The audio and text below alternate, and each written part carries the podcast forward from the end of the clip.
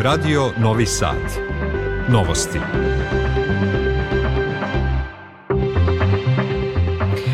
Dobar dan, ja sam Vesna Balta. Ja sam Nikola Rausavljević. Na početku novosti Vesti dana. U Srbiji u toku izborna tišina. I naredne godine prioritet države kada je reč o Kosovu i Metohiji biće očuvanje opstanka srpskog naroda. Gradonačelnici Novog Sada, Niša i Banja Luke najavili nove investicije u 2024. Bez promene cene goriva u narednih 7 dana. Iz sveta, najmanje 35 mrtvih u izraelskom napadu na kampove Nuseirat i Magazi. Poslednjeg vikenda u godini očekuje se pojačan saobraćaj na putevima i graničnim prelazima. U Vojvodini i narednih dana nadprosečno toplo. U Novom Sadu sada je 12 stepeni. U Srbiji je u toku izborna tišina u oči ponavljanja izbora na više od 30 biračkih mesta i trajeće do zatvaranja tih birališta u subotu u 20 časova. Za vreme izborne tišine u medijima i na javnim skupovima zabranjeno je objavljivanje procene rezultata izbora, javno predstavljanje kandidata na izborima i njihovih izbornih programa, kao i pozivanje birača da glasaju za određene izborne liste ili kandidate. Na biračkom mestu i na 50 metara od biračkog mesta zabranjeno je isticanje simbola političkih stranaka i drugog drugog propagandnog materijala. Za kršenje izborne tišine predviđene su novčane kazne od 10.000 do 150.000 dinara. Ambasador Srbije u Sjedinjenim američkim državama Marko Đurić izjavio je da će i u 2024. godini prioritet države, kada je reč o Kosovu i Metohiji, biti očuvanje opstanka srpskog naroda i njegove egzistencije kao najsnažnijeg čuvara srpskih interesa. On je rekao da je važno i da se upravo iz Amerike nastavi pritisak na vladu Albina Kurtija zbog nepoštovanja sporazuma u zahtev za racionalnim i mirnim pristupom rešavanju odnosa Beograda i Prištine.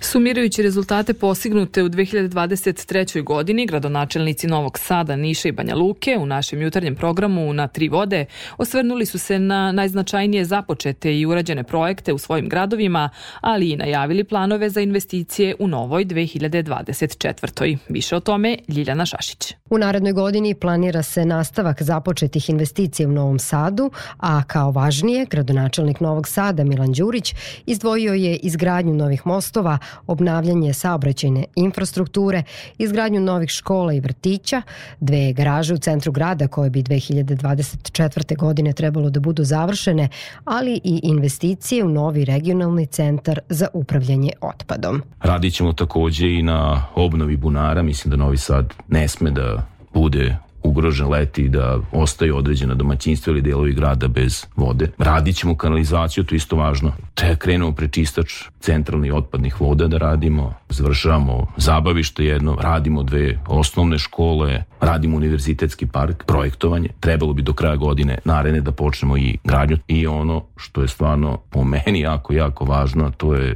deponija, da napravimo regionalnu deponiju. U Nišu se nastavlja ulaganje u projekat za izgradnju postrojenja za prečišćavanje otpadnih voda u vrednosti 85 miliona dinara, što će sprečiti da se 30 miliona tona otpadnih voda godišnje ispusti u Nišavu, ističe gradonačelnica Niša Dragana Sotirovski izgradnja kanalizacije, radimo veliki projekat sa Evropskom unijom izgrađujemo sa njima 45 km kolektorske mreže za četiri naša sela i krajem naredne godine će početi izgradnja postrojenja za prečišćavanje otpadnih voda. To je u ovom trenutku najvredniji projekat u oblasti zaštite životne sredine u Srbiji smanjenje cena karata za javni gradski prevoz, financije za nastavak izgradnje saobraćajnica, novi parkovi, vrtići, izgradnja prve sportske gimnazije i osnivanje kulturnog centra samo su neki od planova za investicijono ulaganje u Banja Luku, kaže gradonačelnik tog grada Draško Stanivuković najveću podršku građanima, to je preko 50 miliona direktnih davanja kroz učbenike besplatne, legalizaciju besplatne i placeve i mature. Naredne godine Most u Docu kao najveći infrastrukturni projekat i priključke za vodu i za kanalizaciju. Banja Luka ulaže 42 miliona konvertibilnih maraka u vodosnadbijevanje i u ljeto 2024. godine cijele projekte vodosnadbijevanja ćemo potpuno si završiti. Gradonačelnici Novog Sada, Niša i Banja Luke čestitali su praznike svim sugrađanima i poželeli da i u narednoj godini budemo povezani, da sarađujemo i uspešno prevazilazimo sve izazove koji su pred nama. Lokalna samouprava u Subotici privodi kraju još jednu izuzetno zahtevnu, ali u isto vreme i veoma uspešnu godinu, rekao je na tradicionalnom novogodišnjem prijemu gradonačelnik Subotice Stevan Bakić. Opširnije Kristijan Takač. U Subotici su i ove godine realizovane mnoge značajne investicije i urađeno je mnogo na poboljšanju životnog standarda građana. Kako je gradonačelnik Stojan Bakić istakao, bila je to godina izuzetne istorijske finansijske stabilnosti budžeta grada, koja je dozvolio da se u gradu realizuju mnoge stvari. Bakić je uputio zahvalnost Subotičanima koji su u toku radova na izgradnji brze pruge između Beograda i Budimpešte, pre svega tokom rekonstrukcije podvožnjaka u centru grada, pokazali izuzetno razumevanje i strpljenje. Moji Subotičani su imali razumevanje za to, znaju da i prepoznali su, kao što sam i uvek naglašavao, da su odgovorni, politički zreli i da su prepoznali naš trud i rad. Bakić je dodao da se poslovi nastavljaju i u 2024. godini u kojoj su takođe u planu značajne investicije. Imamo puno investicionih stvari koje treba da uradimo, da određene projekte privedemo kraju, Bože zdravlje i to u prvoj polovini naredne godine, da svim silama i sve uradimo što je do nas, da se započne ono što je najbitnije za mene, što je još ostalo od obećanja, a to je rekonstrukcija opšte bolnice Subotica. Gradonačelnik Subotice se zahvalio svojim saradnicima na izuzetnom zalaganju, kao i predstavnicima medija, na odišnoj saradnji i korektnom izveštavanju o svim za grad veoma bitnim temama i manifestacijama.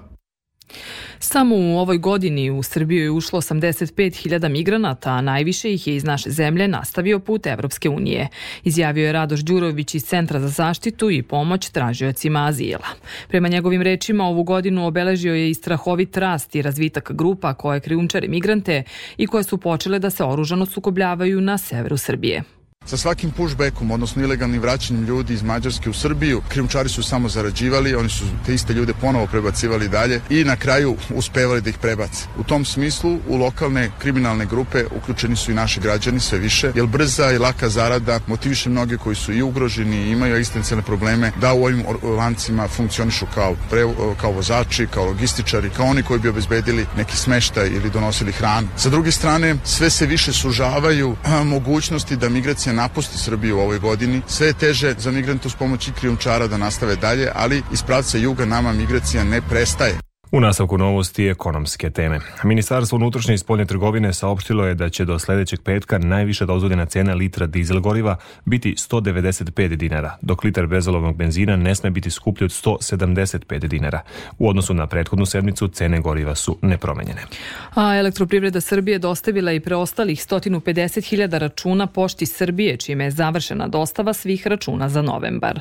Građani koji nisu dobili račun na kućnu adresu mogu ostvariti popust za redovno plaćanje uplatom iznosa sa oktobarskog računa u roku dospeća koji je produžen do 30. decembra, podsjećaju iz EPS-a.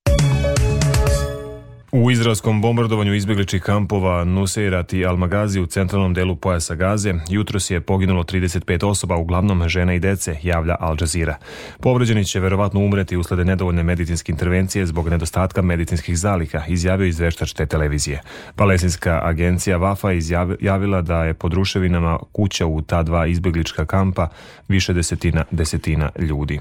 A nastavljenje i rat u Ukrajini. Ruske snage su raketama i dronovima napale Kijev Kijev, Lavov, Harkov, Odesu i Konotop. Poginulo je najmanje 16 osoba, dok ih je 97 ranjeno. Ukrajinska vojska je saopštila da je Rusija izvela najmasovniji vazdušni napad od početka invazije sa 158 dronova i projektila. Predsjednik Ukrajine Volodimir Zelenski rekao je da su ukrajinske snage oborile većinu od tih projektila. Kijev je saopštio da su graničari uništili ruski osmatrački kompleks Murom M u oblasti Harkova. Posle Kolorada ime Donalda Trumpa skinuto je sa glasačkog listića i u državi Maine. Državna sekretarka te države Shayna Bellows uklonila je Trumpa sa predsjedničkih izbora u toj državi prema klauzuli o pobuni u američkom ustavu. Odluka je usledila posle nedavne presude Vrhovnog suda u Koloradu kojem je Trumpa izbacio sa glasačkih listića. Generalni sekretar Ujedinjenih nacija Antonio Guterres pozvao je u video poruci da 2024. bude godina obnove poverenja i vraćanja nade posle ove koja je bila, kako je naveo, godina ogromne patnje, nasilja i prirodnih nepogoda uzrokovanih klimatskim promenama.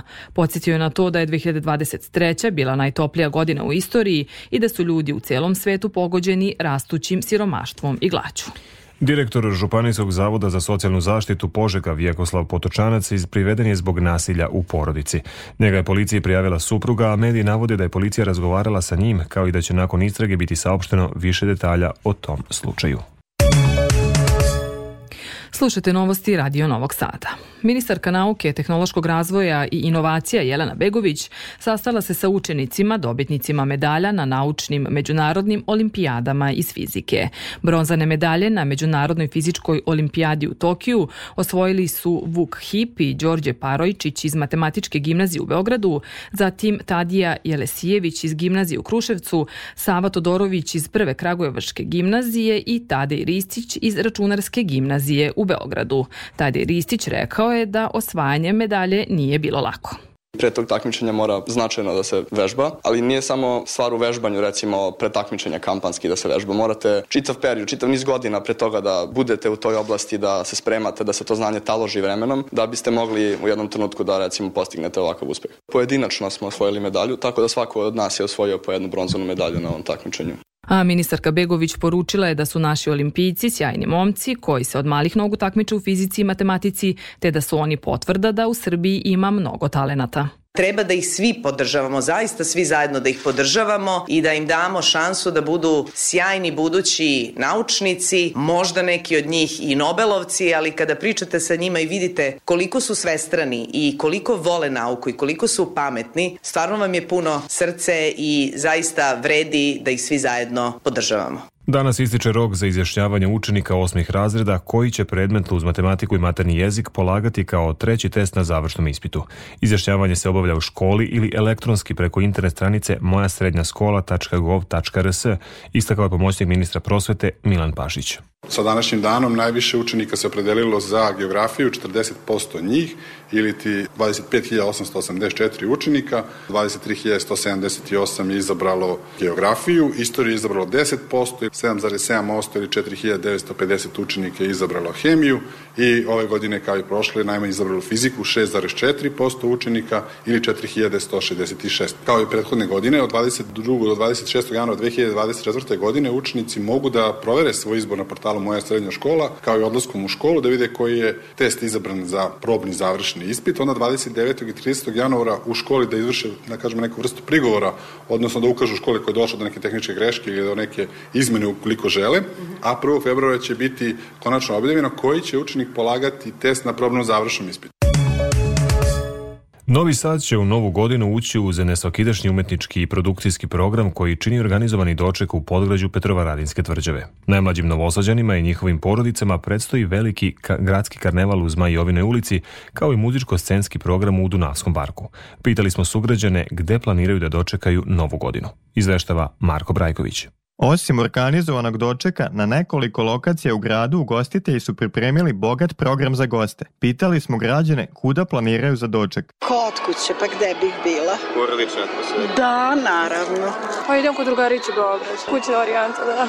Joj, nažalost, nigde. Tašnije, kod kuće zato što švinkam ceo dan i onda mislim da fizički, ni psihički neće biti sposobna da idem negde. Mislili smo na putovanje, ali nismo se najbolje dogovorili, pa ćemo na splav. Za novu godinu u centar grada. A u, za novu godinu bit ćemo, ne, bit ćemo u nekom lokalu uveče, a preko dana ćemo se vratno družiti sa najboljim prijateljima i najbližim ljudima. Brojne prodavnice organizovale su popuste za novogodišnje praznike, a građani su požurili da pronađu poklone za svoje najbliže. Pa evo, trenutno kupujem poklone za novu godinu. Ja sam došao sa Vrsta da kupimo parfem i to je to. Što se tiče šopinga, kupujem jednako, kao i za novu godinu, kao i pre. Evo upravo pazarim, ja to se volim u posljednji moment, tako da ima, ima dosta akcije. Uglavnom sam pronašla sve što sam tražila, tako da sam zadovoljna ove godine. Najbližimo najviše neke sitnice, tamo je neki mali znak pažnje, da ih obradujemo. Slušalice, tostere, ketlere i ostale stvari što, što bi se reklo prestalo da radi kod kuće pa sad nadoknađujemo. Idemo da kupimo neku knjigu. Podsjetimo, za one koje planiraju doček u podgrađu Petrovaradinske tvrđave, program počinje u 17 časova. Ulaz je slobodan.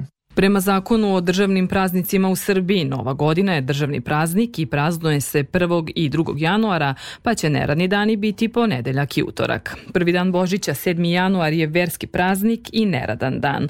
Praznuje se u nedelju bez mogućnosti prenošenja na ponedeljak, jer se verski praznici ne prenose na prvi naredni radni dan. Poslednjeg vikenda ove godine očekuje se pojačan saobraćaj ne samo na gradskim saobraćajnicama, već i na putevima koji vode ka zimskim turističkim centrima i na graničnim prelazima.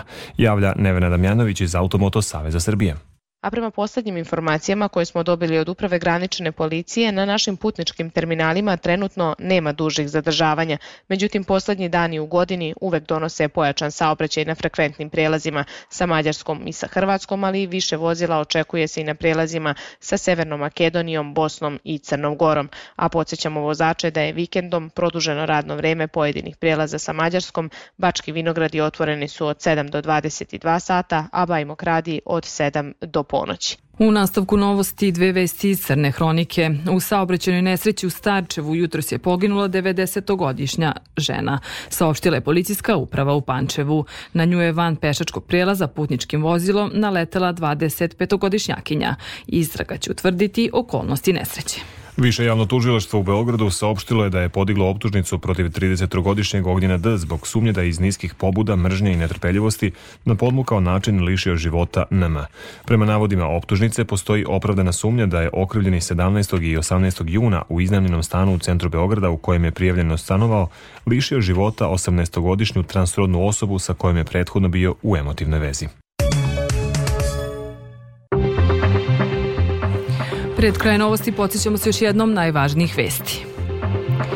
U Srbiji u toku izborna tišina. I naredne godine prioritet države kada je reč o Kosovu i Metohiji biće očuvanje opstanka srpskog naroda. Gradonačelnici Novog Sada, Niša i Banja Luke najavili nove investicije u 2024. Bez promene cene goriva u narednih 7 dana. Iz sveta, najmanje 35 mrtvih u izraelskom napadu na kampove Nuseirat i Magazi. Poslednjeg vikenda u godini očekuje se pojačan saobraćaj na putevima i graničnim prijelazima.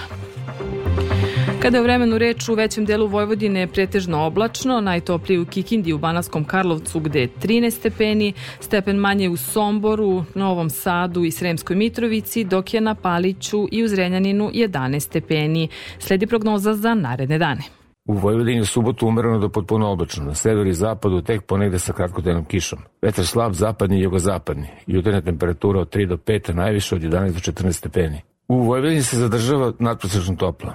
U nedelju ujutru mestimično magla ili niska oblačnost.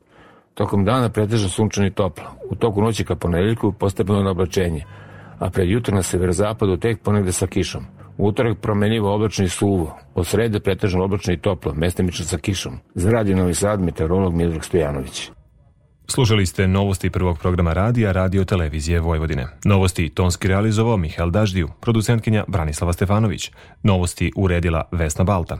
Ja sam Nikola Rausavljević. Ostanite uz naš program. Želimo vam prijatno popodne.